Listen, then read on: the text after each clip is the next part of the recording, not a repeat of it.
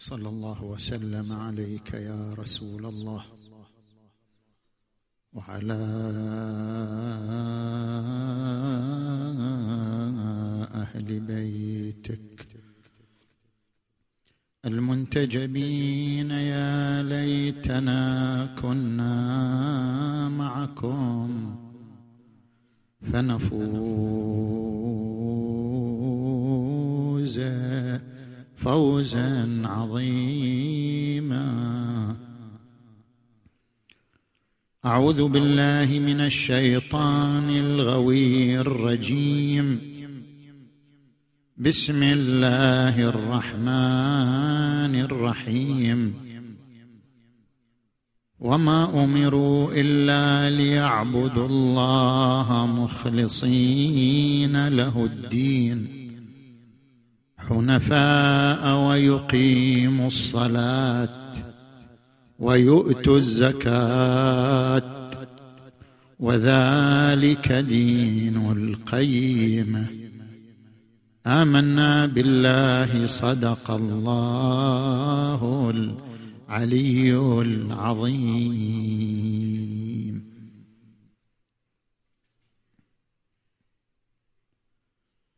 حديثنا حول توقعات الإنسان من الدين.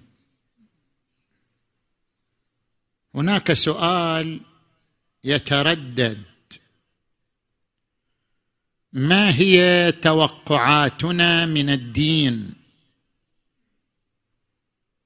بمعنى ماذا أنجز لنا الدين في حاجاتنا وتطلعاتنا؟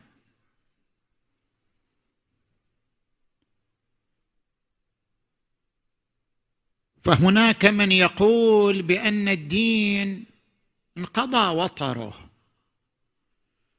لأن العلوم الطبيعية والإنسانية غطت كل الحقول والمجالات.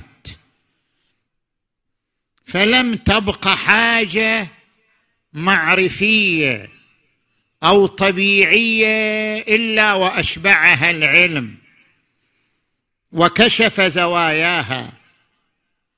فلم يبق للدين مجال بحيث يشكل الدين عنصرا اساسيا أو حيويا في حياة الإنسان. اذا يبقى السؤال مثار ماذا أنجز الدين في مجالاتنا؟ في حاجاتنا في تطلعاتنا. هنا نتكلم عن ثلاثة محاور. شرح المصطلحات. ماذا يعني الدين؟ ماذا يعني العلم؟ ماذا تعني التوقعات؟ والمحور الثاني في بيان إنجازات الدين على مستوى التطلعات والتوقعات. والمحور الثالث أن علاقة الدين بالعلم علاقة تكامل وليست علاقة صراع ولا علاقة تغاير ولا تباين. نجي الآن إلى المحور الأول. ما هو العلم؟ ما هو الدين؟ ما هي توقعاتنا من الدين؟ فاحنا عندنا ثلاثة أسئلة. ما هو العلم؟ العلم هو المعرفة التي تعتمد على الدليل والبرهان. سواء كان الدليل تجريبيا أم كان الدليل عقليا. كل معرفة تعتمد على دليل فهي علم. نجي إلى الدين. ما هو الدين الذي نتحدث عنه؟ هنا عدة تعريفات للدين. تعريف في علم الاجتماع. تعريف في علم النفس. تعريف في الفلسفة للدين. الدين في علم الاجتماع دور كايم من علماء الاجتماع. يعرف الدين بأن الدين منظومة متماسكة من المعتقدات والممارسات المتعلقة بأمور مقدسة ويجمع المنتمين إليه بإيلاف أخلاقي موحد. التعريف سليم بس فيه نقطة. عندما يقول منظومة متماسكة من المعتقدات والممارسات المتعلقة بأمور مقدسة. هنا أهمل عنصر الإيمان بالله. يعني ما ذكر الإيمان بإله؟ قال أمور مقدسة. طبعا من وضع هذا التعريف يقول أنا أريد أن أعرف كل الأديان يعني أريد أن أضع تعريفا يجمع كل الأديان لا خصوص الأديان التوحيدية. وبما أن من الفرق فرق البوذية من لا يؤمن بإله. لذلك حتى أجمع الأديان كلها اكتفيت بهذا العنوان بأمور مقدسة يعني محرمة منفصلة. لكن هذا الإهمال أو هذا الإعراض عن هذا القيد أو هذه الخصوصية تخرج الدين عن كونه دينا. العرف العقلائي في جميع الأزمنة. يرى أن مفهوم الدين لا ينفك عن الإيمان بإله. دين يعني إيمان بإله. الإيمان بالإله عنصر مقوم للدين في العرف العقلاء كله في جميع الملل في جميع الأجيال. فإسقاط هذه الحيثية لا يجعل التعريف دقيقا والفرق التي لا تعترف بإله ليست من دين يعني ليست هي دين هي مذهب فكري ولكنها ليست دين. فاذا الدين متقوم بالإيمان بإله هذا عنصر ضروري في تعريف الدين. نجي إلى التعريف الثاني تعريف علم النفس. طبعا النفس علماء النفس مدارس متعددة كل يعرف الدين من زاوية ينظر بها إلى الدين. إحنا نأخذ تعريف فرويد للدين.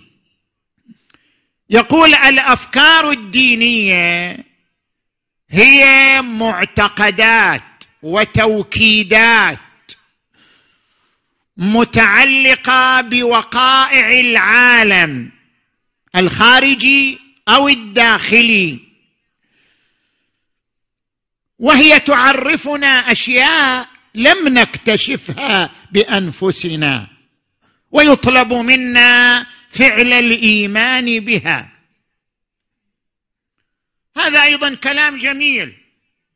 ولكن هذا التعريف هو يعرف ميدان الأفكار الدينية. يعني عندما نريد أن نميز بين الأفكار الدينية والأفكار العلمية بين الأفكار الدينية والأفكار الفنية نجعل هذا المائز. نقول المائز بين الأفكار الدينية وغيرها أن ميدان الأفكار الدينية هو معتقدات وتوكيدات تتعلق بالعالم خارجيا يعني هذا العالم اللي نعيش فيه أو داخليا وهو عالم النفس ومشاعرها وخواطرها. هذا صار تعريف لميدان الأفكار الدينية وليس تعريف للدين بما هو دين. لذلك نحتاج إلى التعريف الثالث. التعريف الثالث في موسوعة ستانفورد الفلسفية يعرف الدين. يقول الدين هو حركة الشعور نحو المطلق. المطلق اللامتناهي. عبر منظومة من المعتقدات التي تتعلق بالوجود المرئي واللا مرئي من جهة رجوعه إلى القوة الغيبية. وهي فترة اختبار أو تطهير.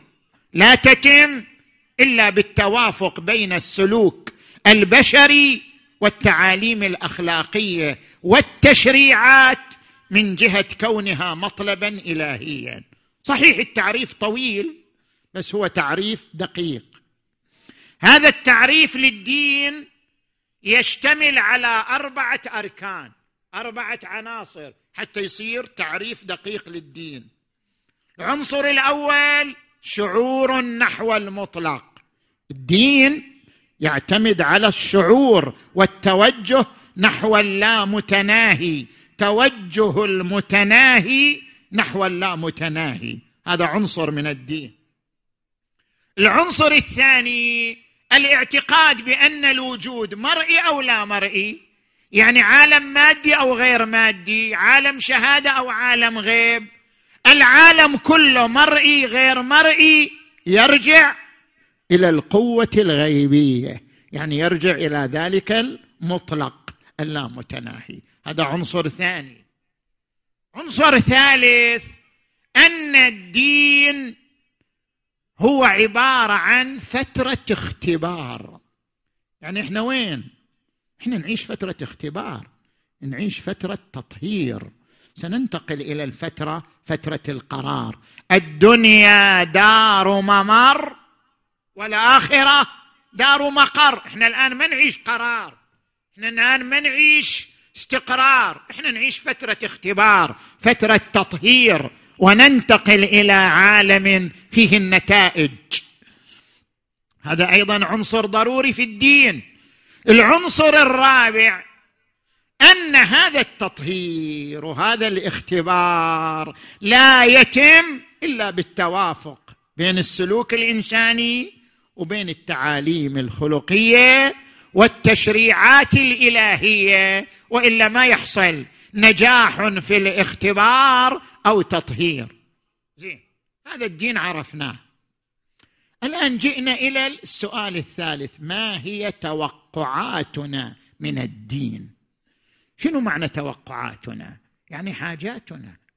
عندما نقول توقعاتنا تطلعاتنا يعني حاجاتنا. هل الدين يلبي حاجاتنا؟ أو لا الدين ما يشكل لنا شيء. ما هي توقعاتنا؟ يعني ما هي حاجاتنا التي نريد من الدين أن يشبعها وأن يغطيها؟ ما هي حاجاتنا؟ نجي الآن إلى إبراهام ماسلو اللي قسم الحاجات الأساسية إلى سبعة. هناك سبع حاجات أساسية يحتاجها الإنسان. الحاجات الفسلجية يحتاج الإنسان إلى الطعام والشراب والتنفس. زين؟ هذا حاجة. الحاجة إلى الأمن يعني الأمن النفسي شعور بالهدوء والاستقرار. الحاجة إلى الحب إنسان يحتاج إلى الدفء العاطفي بينه وبين غيره. الحاجة الرابعة الحاجة إلى التقدير الاجتماعي أن يشعر بأن كفاءته وجهده محل تقدير وتثمين اجتماعيا. الحاجة الخامسة الحاجة إلى بروز الطاقات. يعني أن يعطى مجال ليبرز موهبته يبرز طاقاته. حاجة أساسية. الحاجة السادسة الحاجة إلى الفهم والمعرفة. كل إنسان يحتاج إلى أن يتعرف ويفهم. والحاجة السابعة حاجة الإنسان إلى الجمال إلى تذوق الجمال بجميع معانيه. هذه حاجات سبع أساسية. زين؟ نحن عرفنا العلم والعلم يغطي بعض هذه الحاجات. وعرفنا الدين ما هو وعرفنا الحاجات. هنا يأتي السؤال مثيرا.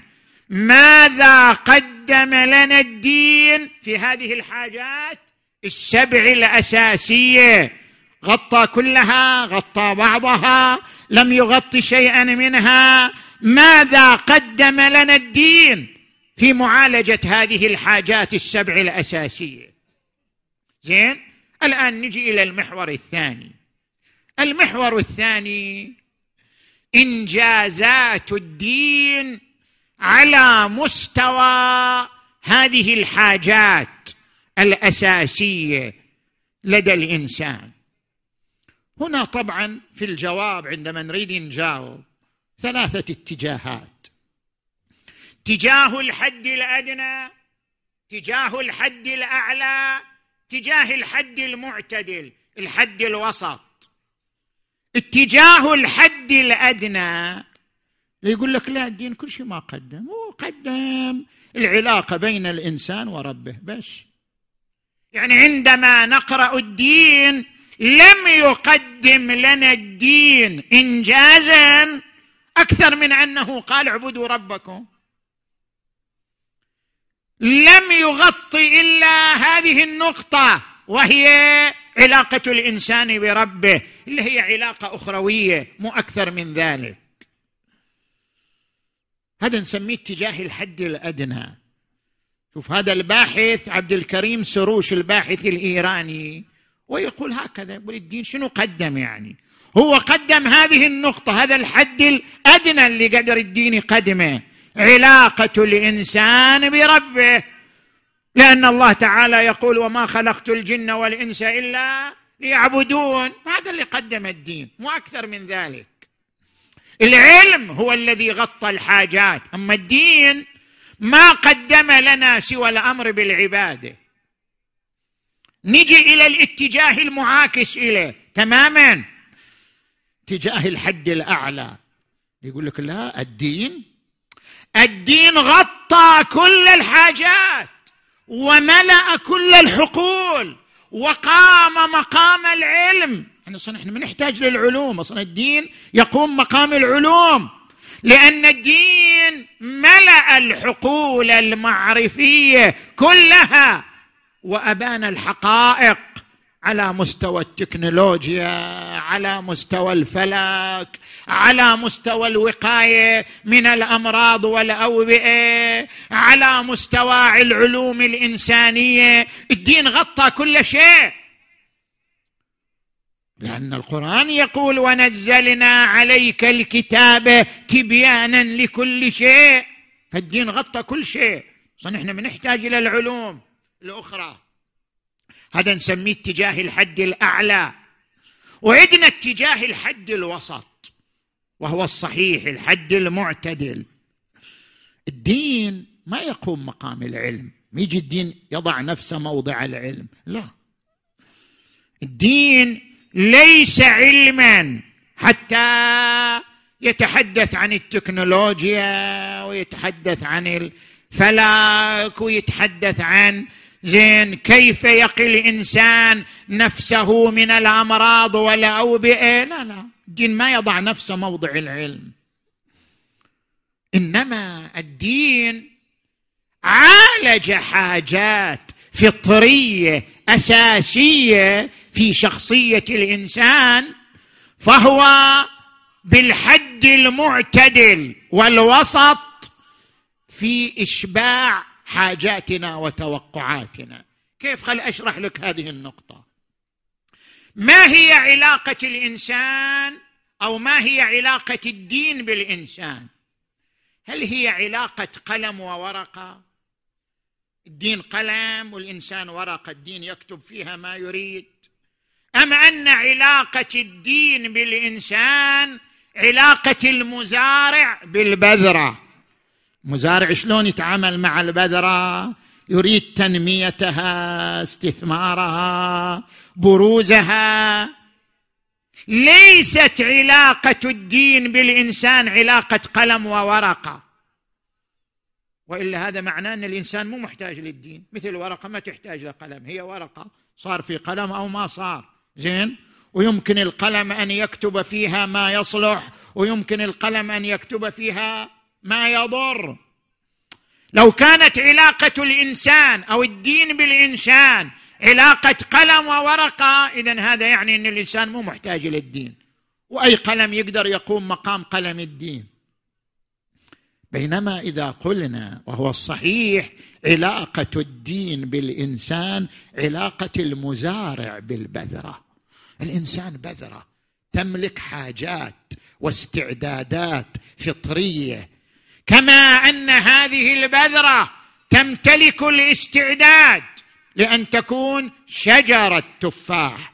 هذه البذرة تمتلك الاستعداد لأن تكون مثلا شجرة ليمون. هذه البذرة لا تنتج الليمون. هذه البذرة لا تنتج التفاح. كل بذرة لها استعداد فطري لثمرة معينة. الإنسان يختلف عن الحيوان ويختلف عن الجماد. الإنسان بذرة تمتلك استعدادات فطرية. جاء الدين لإحياء الفطرة واستثمارها وتنميتها بحيث تعطي وتنتج. هنا مركز الدين. هنا تأتي توقعاتنا من الدين. ما هي توقعاتنا من الدين؟ توقعاتنا من الدين أنه يحيي فينا الفطرة وينمي الاستعدادات والحاجات الفطرية التي نمتلكها بالطبع والجبلة. هنا يأتي دور الدين. كيف؟ الآن أضرب لك أمثلة. الدين أشبع الحاجات الفطرية في الحقل الفلسفي في الحقل المعرفي في الحقل الإنساني في الحقل النفسي في الحقل الاجتماعي. يعني هذه الحقول الخمسة دخل الدين فيها لبى الحاجات الفطرية من خلالها. نجي الآن إلى الحقل الأول الحقل الفلسفي.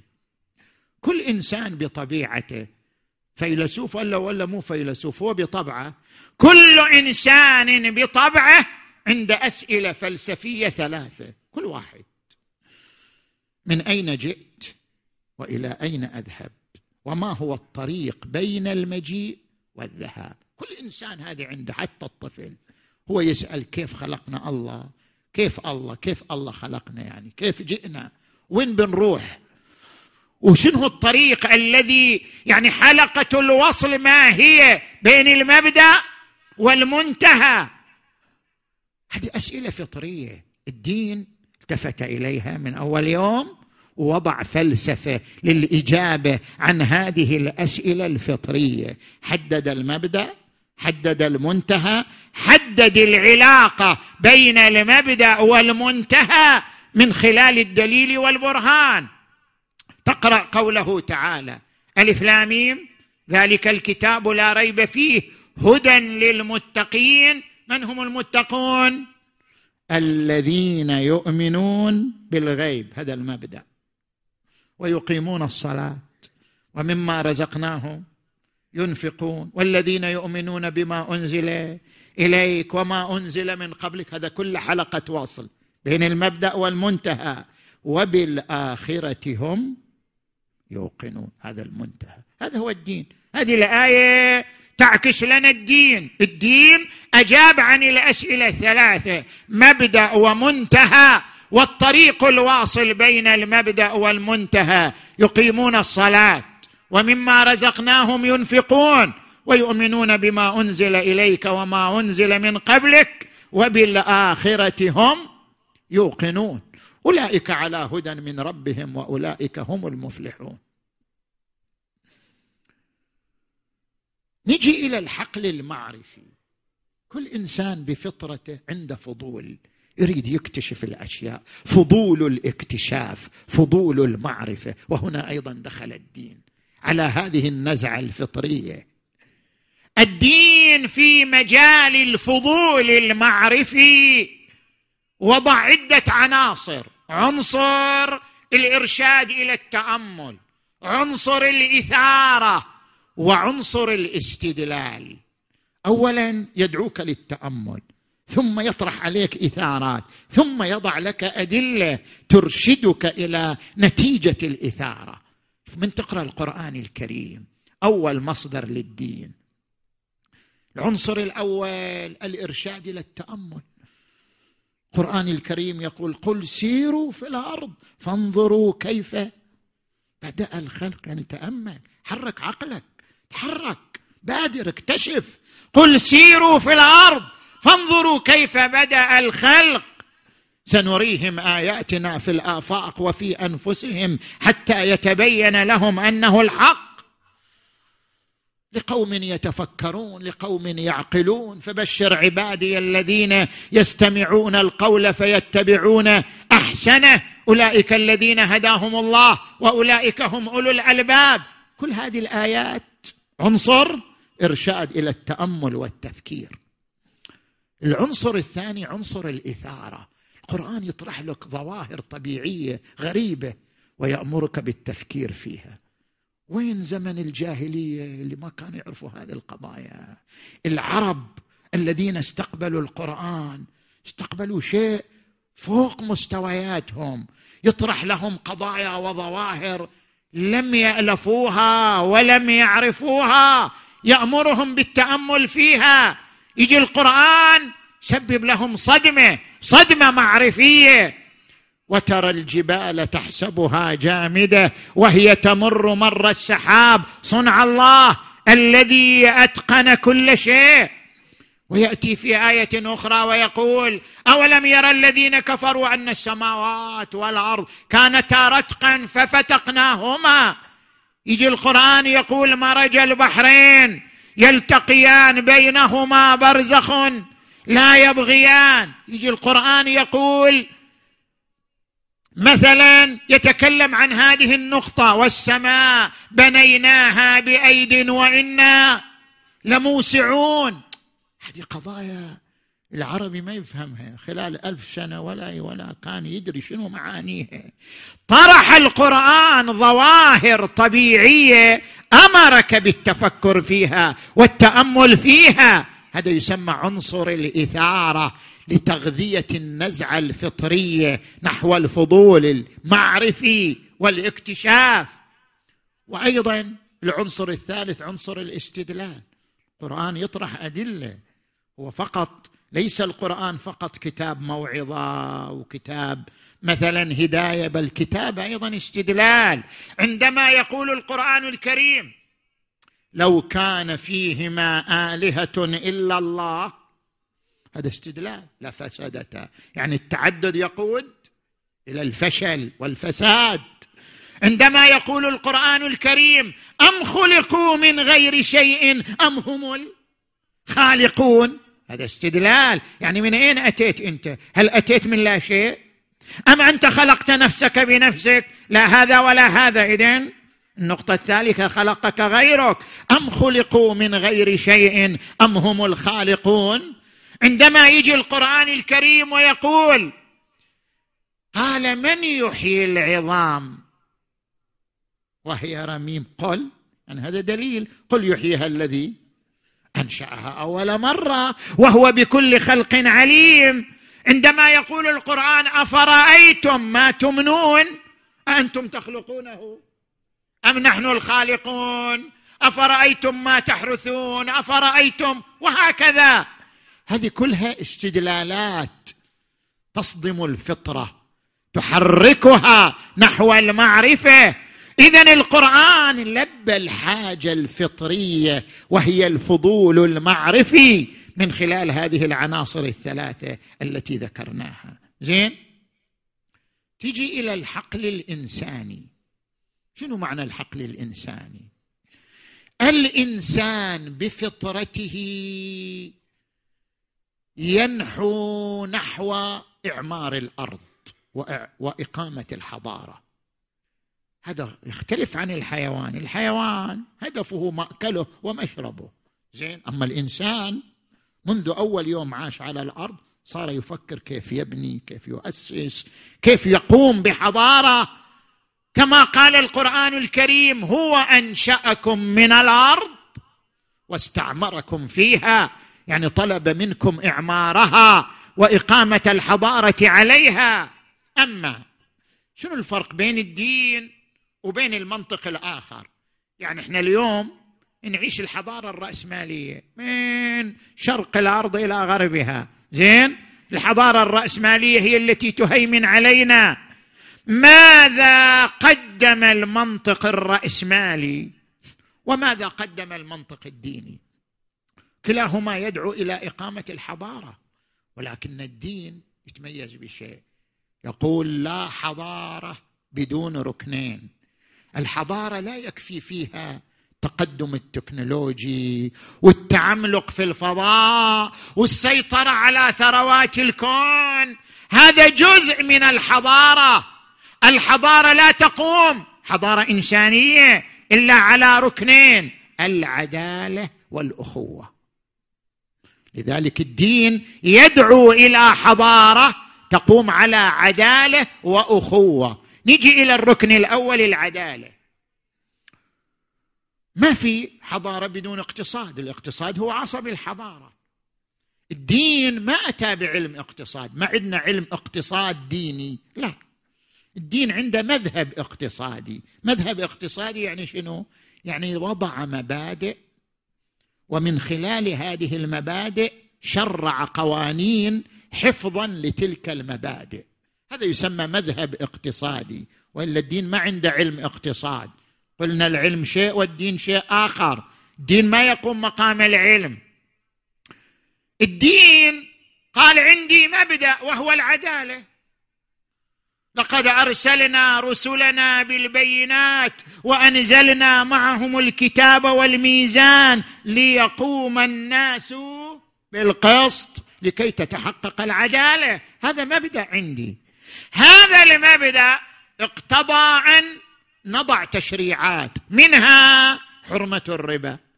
الربا يتنافى مع العدالة.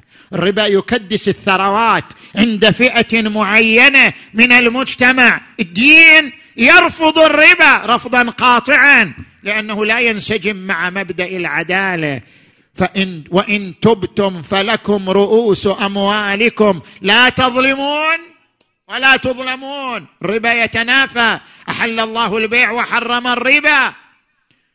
وقال في تشريع ثاني كي لا يكون دولة بين الأغنياء.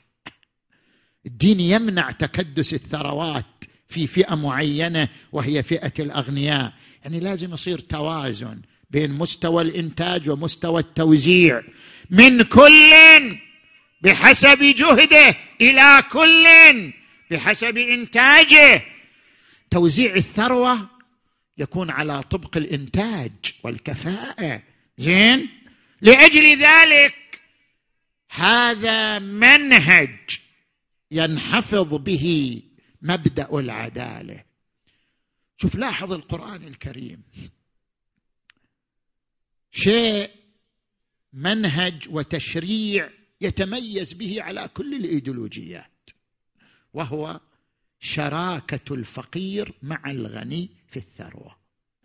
ما في عندك منطق في العالم اليوم يقول لك الفقير شريك في ثروتك. تقول ثروتي هذه أنا تعبت عليها.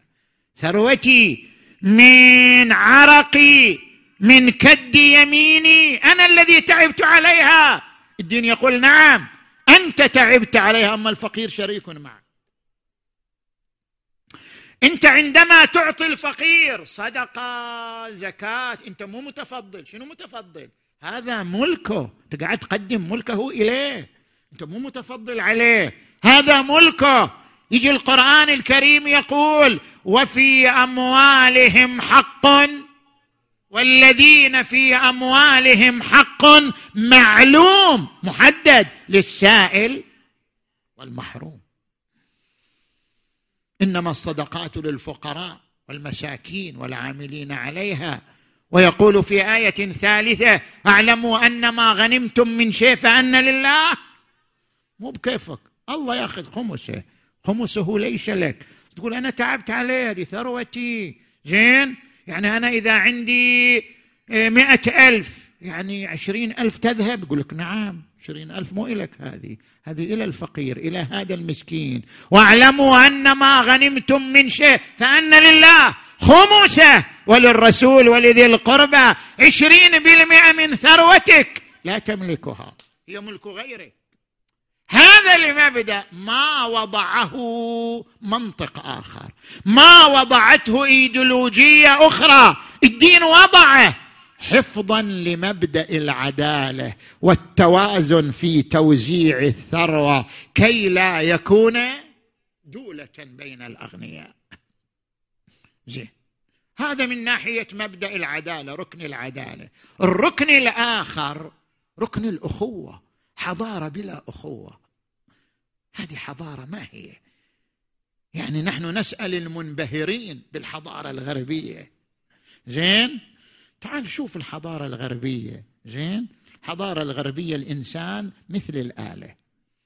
مثل الآلة الميكانيكية يتحرك. من الصباح إلى الليل يشتغل يكدح. وبعدين؟ وبعدين؟ أين علاقات الأرحام؟ أين العلاقات الأسرية الحميمة؟ أين التراحم بين أبناء المجتمع؟ أين التواصل الإنساني؟ الدين يريد حضارة. لكن حضارة أخوية. إنما المؤمنون إخوة. ويقول القرآن الكريم وتعاونوا على البر والتقوى ولا تعاونوا على الإثم والعدوان ويقول القرآن الكريم واتقوا الله الذي تساءلون به والأرحام. ويقول القرآن الكريم وبالوالدين إحسانا إما يبلغن عندك الكبر أحدهما أو كلاهما فلا تقل لهما أف ولا تنهرهما وقل لهما قولا كريما. هذا كله مبدأ الأخوة.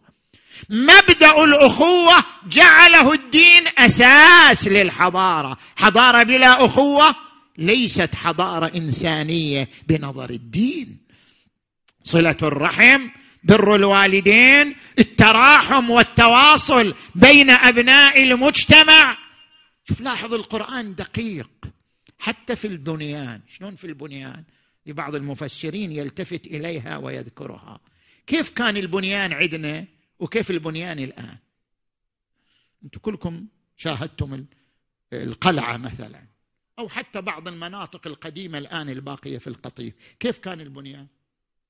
هل هذه الهندسة التي كانت للقلعة أو لغيرها هل هندسة اعتباطية أو هندسة هادفة؟ هذه هندسة هادفة. البيوت متلاصقة متداخلة يربط بعضها البعض الآخر. هذه ما كانت هندسة اعتباطية. ما كانت هندسة بلا هدف كانت هندسة هادفة. الهندسة من البناء بهذا الشكل وبهذا النوع البيوت المترابطة المتلاصقة المنفتح بعضها على البعض الآخر هندسة هادفة إلى جعل المجتمع أسرة واحدة. ولذلك كان الجيران يعيشون أسرة واحدة. يتفقد بعضهم بعضا يعيش بعضهم آلام البعض الآخر. طريقة البنيان فرضت عليهم أن يكونوا أسرة واحدة. يعني هندسة البنيان جعلت تلك الأحياء وتلك المباني جعلتها بمثابة البيت الواحد. القرآن الكريم يقول واجعلوا بيوتكم قبلة. وأقيموا الصلاة. بعض المفسرين يقول شنو يعني قبلة؟ يعني أبوابها متقابلة. ليست البيوت منفككة. كل بيت بابه يقابل باب البيت الآخر. واجعلوا بيوتكم قبلة حتى يتحقق مبدأ التواصل ومبدأ الأخوة بين الجيران. ورد عن النبي محمد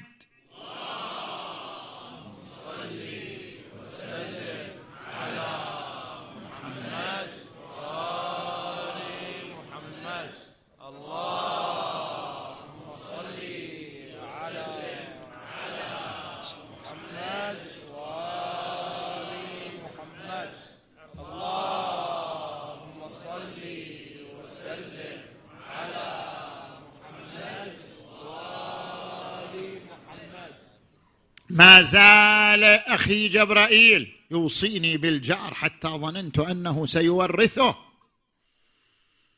جيران. هذا كان تلاحم بين الجيران.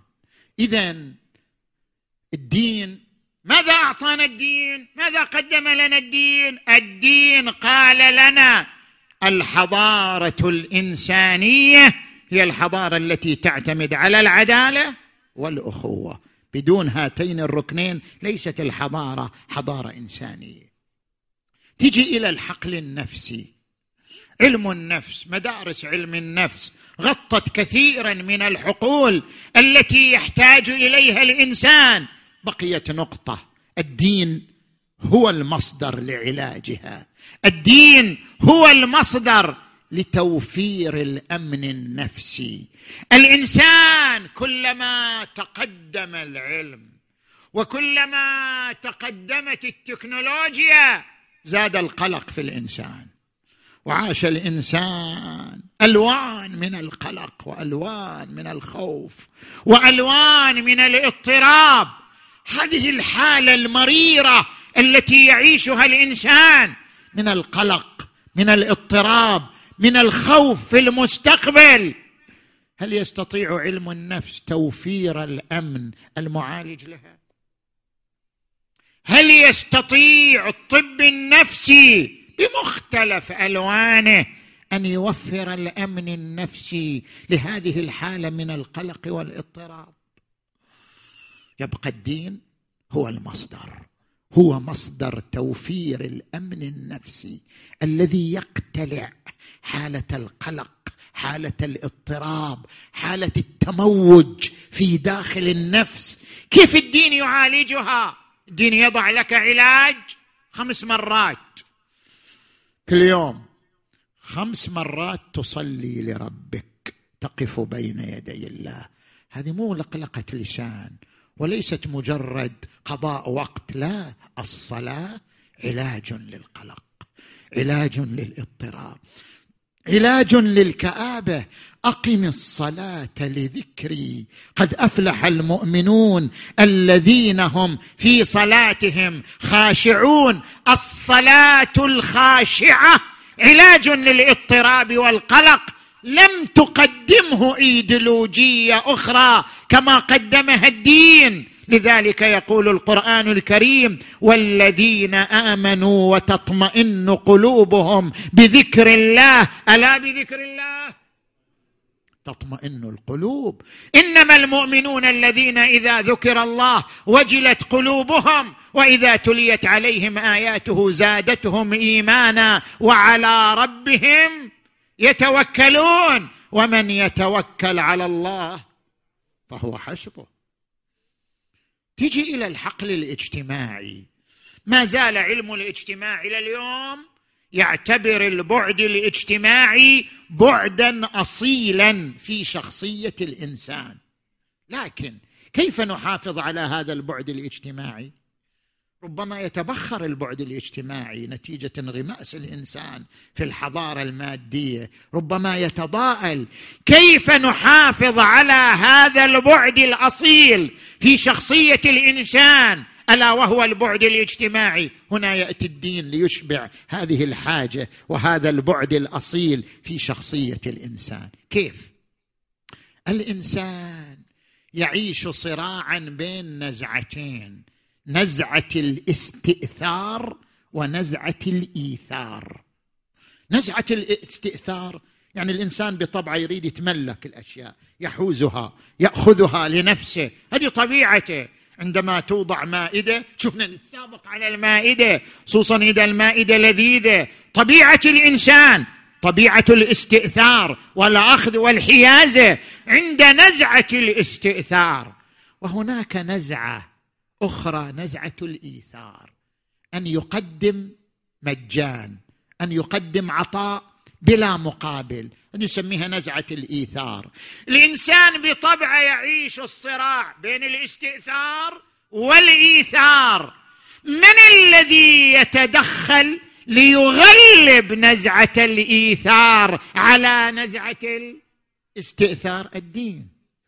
الدين هنا يعالج حاجة فطرية. في الإنسان ليغلب نزعة الإيثار على نزعة الاستئثار. الدين هنا يتدخل ليعلم الإنسان كيف يذيب الأنانية كيف يذيب الأنوية كيف يخرج من طوق أنا إلى طوق الغير كيف يقدم عطاء سخيا بلا مقابل. كيف يعيش روح الإنتاج والعطاء للآخرين؟ الدين يصر على هذه النقطة. عندما يأمر بالصدقة عندما يأمر بالعطاء عندما يقول لك ومما رزقناهم ينفقون عندما يقول لك لن تنالوا البر حتى تنفقوا مما تحبون. شوف كثير منا متى نعطي الفقير؟ إذا عندنا زين رز خلص آخر فضلات الرز نعطيها الفقير. زين؟ إذا عندنا أطعمة تكاد تبلى وتعفن نعطيها الفقير. إذا عندنا فضلات من الأموال الحقيرة نعطيها الفقير. هذا ما يعلمنا هذا مو هو الدين. ما يعلمنا غلبة نزعة الإيثار على نزعة الاستئثار اللي يغلب نزعة الإيثار على الاستئثار لن تنالوا البر حتى تنفقوا مما تحبون. ابذل! أنت عندك أموال عندك نعمة عندك ثروة ابذل! ابذل ما عندك من نعم ابذل جزء مما عندك من نعم وثروة حتى تتغلب نزعة الإيثار على نزعة الاستئثار. اذا وصلنا إلى نهاية الجواب. ماذا أنجز الدين في مجال توقعاتنا من الدين؟ ماذا قدم الدين في مجال الحاجات الأساسية عندنا؟ قدم لنا الدين أشبع الفطرة وغطى حاجات فطرية أساسية في الحقل الفلسفي في الحقل المعرفي في الحقل الإنساني في الحقل النفسي في الحقل الاجتماعي. زين؟ النهاية. نجي إلى المحور الثالث باختصار.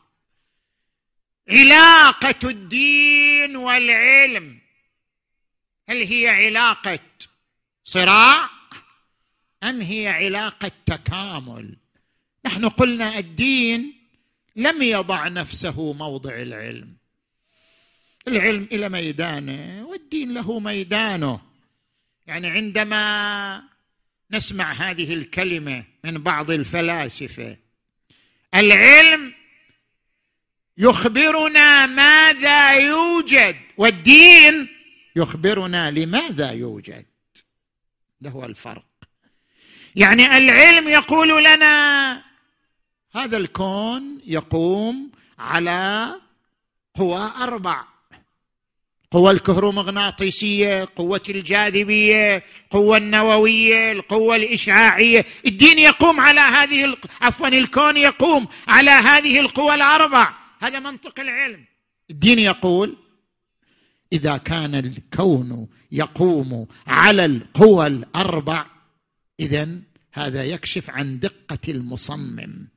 أن الذي صمم الكون كان دقيقا. فإذا الدين يستثمر العلم. العلم يطرح حقيقة والدين يقود الحقيقة للوصول إلى الله تبارك وتعالى.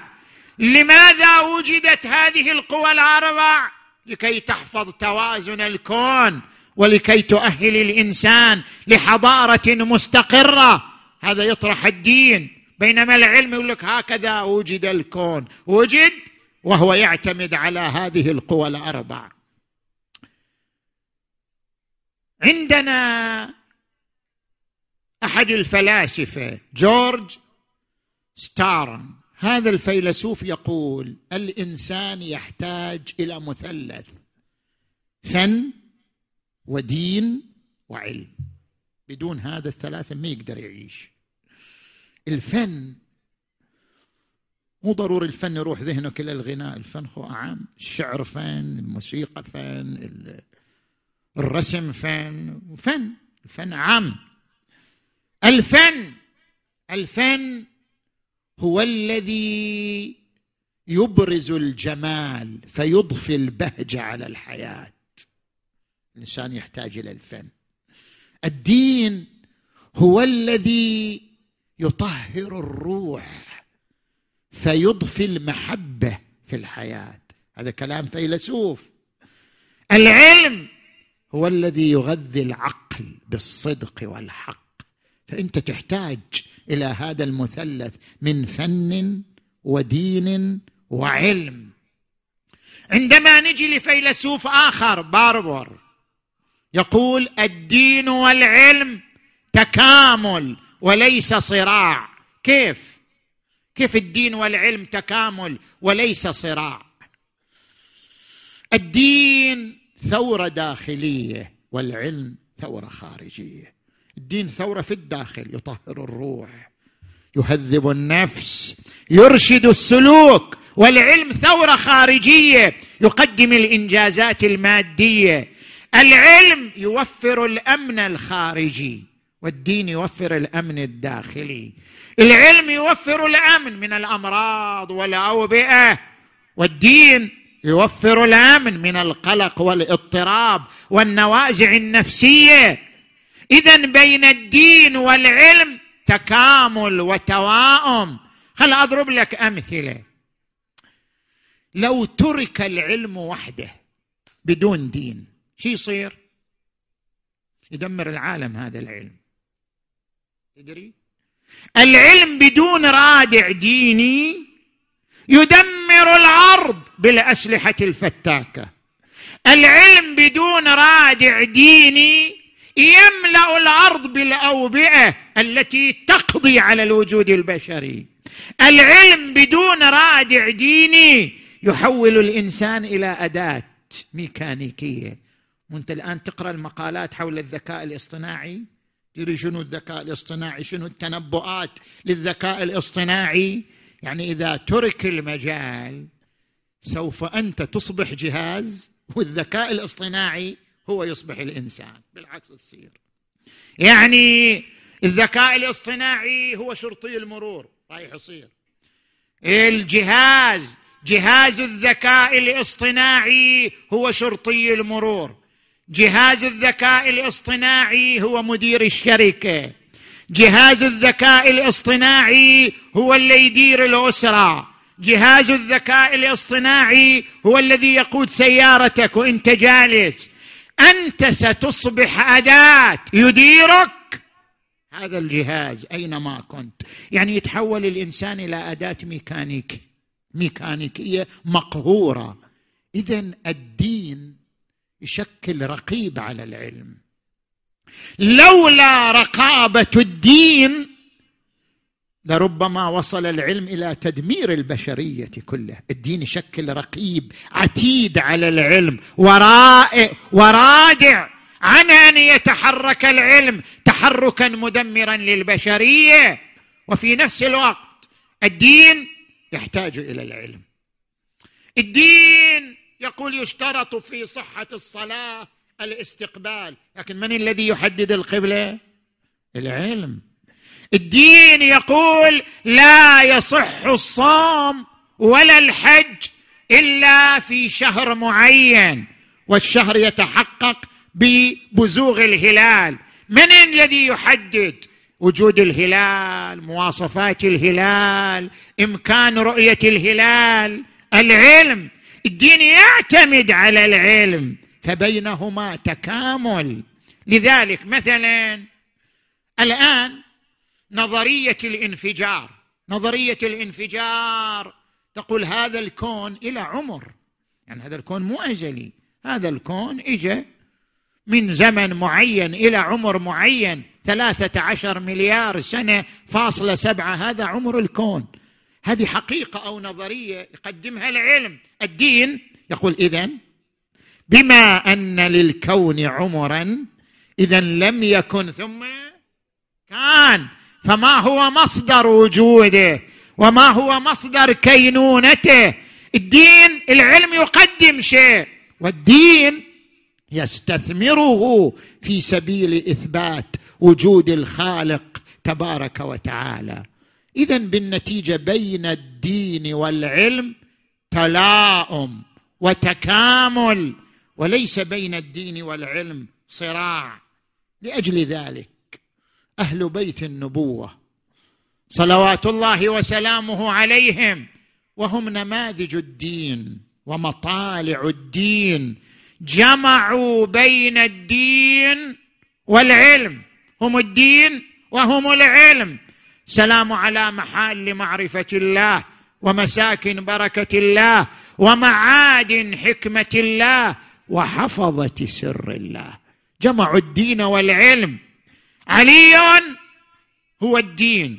لذلك يقول النبي صلى الله عليه وآله برز الإيمان كله. هذا يشكل الدين هذا الإنسان. برز الإيمان كله إلى الشرك كله. وعلي يمثل العلم. يقول الرسول أنا مدينة العلم. وعلي بابها فمن أراد المدينة فليأتها من بابها. إنما المصطفى مدينة علم وهو الباب. من أتاه أتاها. وكان يقول أمير المؤمنين علي عليه السلام كمال الدين طلب العلم والعمل به. يعني الدين مع العلم هكذا. كمال الدين طلب العلم والعمل به علي يمثل الدين والعلم وأبناء علي يمثلون الدين والعلم. لذلك يقول سيد الشهداء لأمير المدينة نحن أهل بيت النبوة. وموضع الرسالة ومهبط الملائكة. يعني فينا الدين وفينا العلم. نحن أهل بيت النبوة وموضع الرسالة ومهبط الملائكة.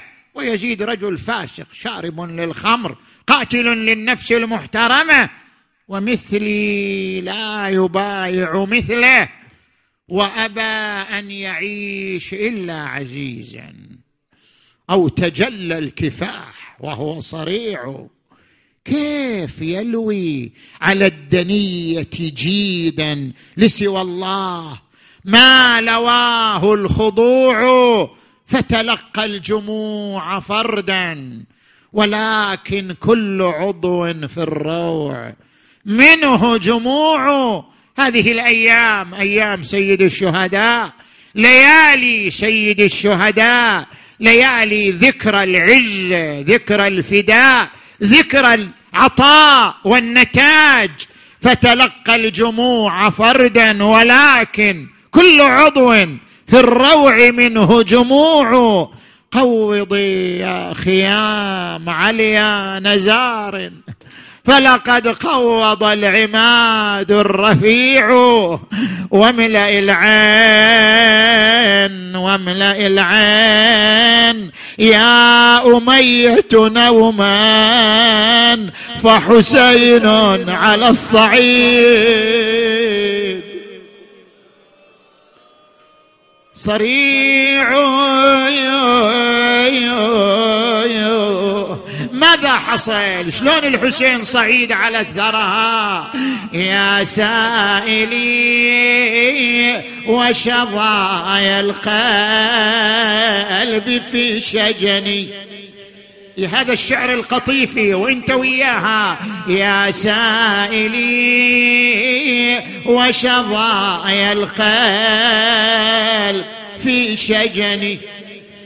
هل جهزوا لقتيل مات ممتحني؟ أجبته بفؤاد خافق وهني. شو تقول؟ ما غسلوا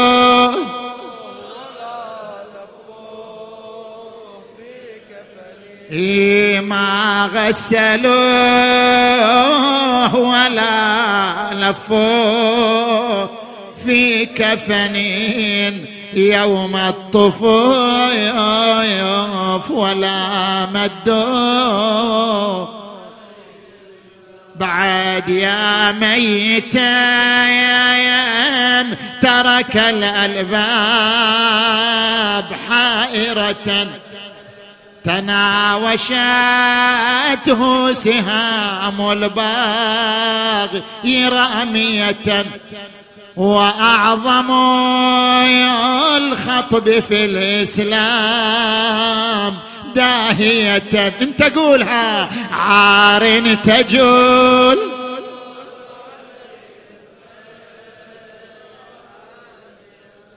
عار تجول عليه الخيل عادية حاكت له الريح من هام زرا وردا زينب واقفة على جسده لمن تلجأ لمن تشكوها اتجهت إلى المدينة. نادت جد يا رسول الله. صلى عليك مليك السماء. هذا حسينك بالعراء. محزوز الرأس من القفا مسلوب العمامة والرداء فإلى الله المشتكى. هي جد ما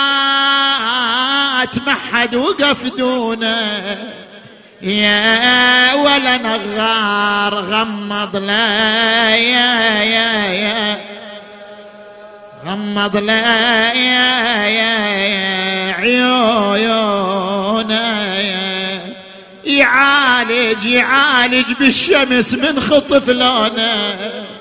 إيه ولا واحد بحلقة ما يا يا. ما يقطع يا يا. يا جدي مات ما حد مدد ايده ولا واحد حضر لو عدل رجله. يعالج بالشمس محايا يا يا. محايا يا وصل يا يا. عار اللباس قطيع الرأس.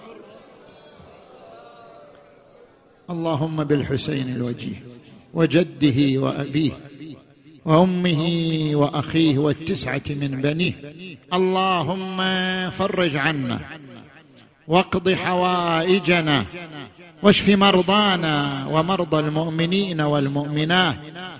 اللهم واقض حوائج المؤمنين والمؤمنات. وعجل فرج وليك وابن أوليائك واكتب له الظفر والنصر.